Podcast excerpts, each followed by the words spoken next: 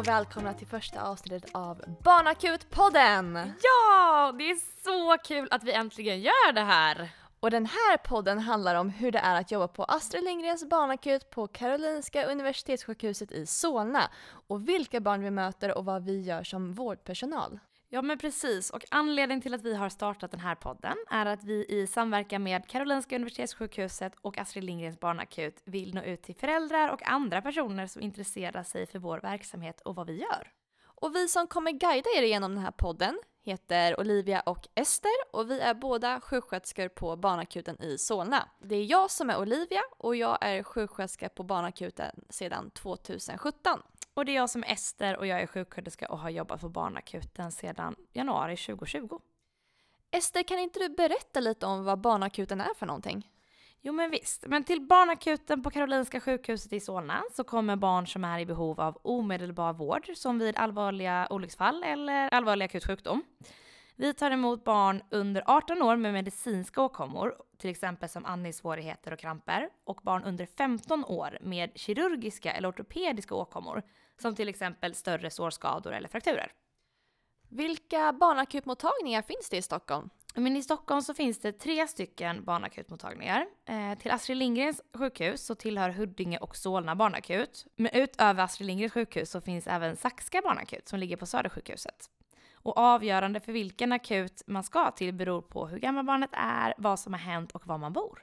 Vi kommer utgå ifrån Stockholm och Astrid Lindgrens barnakut i Solna.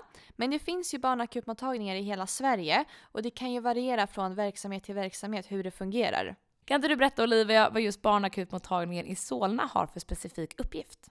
Det som är just specifikt för Astrid Lindgrens barnakut i Solna är att vi behandlar svåra kirurgiska och ortopediska fall. Barnakuten i Solna är främst avsedd för barn som kan behöva akuta operationer eller svårast sjuka. Men vilka patienter kommer då till barnakuten i Solna? Alla olika sökorsaker och sjukdomsfall kommer till barnakuten. Enklare sjukdomsfall och mindre skador hänvisas till eh, primärvård eller närakuter. Vanliga sökorsaker kan till exempel vara urinvägsbesvär, andningsbesvär, frakturer eller sårskador. Men när ett barn då kommer till oss för att söka vård, vad gör vi då på barnakuten?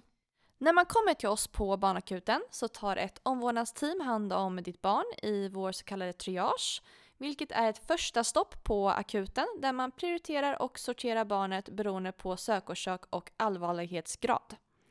Triageteamet består av en undersköterska och en sjuksköterska för att göra eh, den första bedömningen. Vi tar en anamnes som betyder att föräldrarna och barnet får berätta lite om barnets sjukdomshistoria. Vi kontrollerar allmäntillståndet, vi tar kontroller som till exempel eh, vi tar en temp, puls, andningsfrekvens och så vidare. Och sen gör vi även en undersökning av barnet som kan vara att man känner på barnets mage eller tittar på ett sår. Och när man har gjort den här första bedömningen i vårt triage då, vad händer då? Därefter kan det hända att man blir hänvisad till en annan vårdinrättning som till exempel en närakut eller vårdcentral eller så får barnet stanna på barnakuten för en läkarbedömning. Om barnet får stanna på barnakuten så får den en prioritet utifrån personalens första bedömning i triagen. Vi har prioritet röd, orange, gul, grön och blå. Får barnet en prioritet röd så ska barnet omedelbart träffa läkare. Prioritet röd är ett så kallat larm, alltså att barnet ska omhändertas direkt på vårt akutrum. Så du menar att beroende på vilken prioritet barnet får så kan väntetiden variera lite? Ja men precis, och man kan uppleva det som att det tar väldigt lång tid på en akutmottagning för att det kan vara många barn sjuka samtidigt.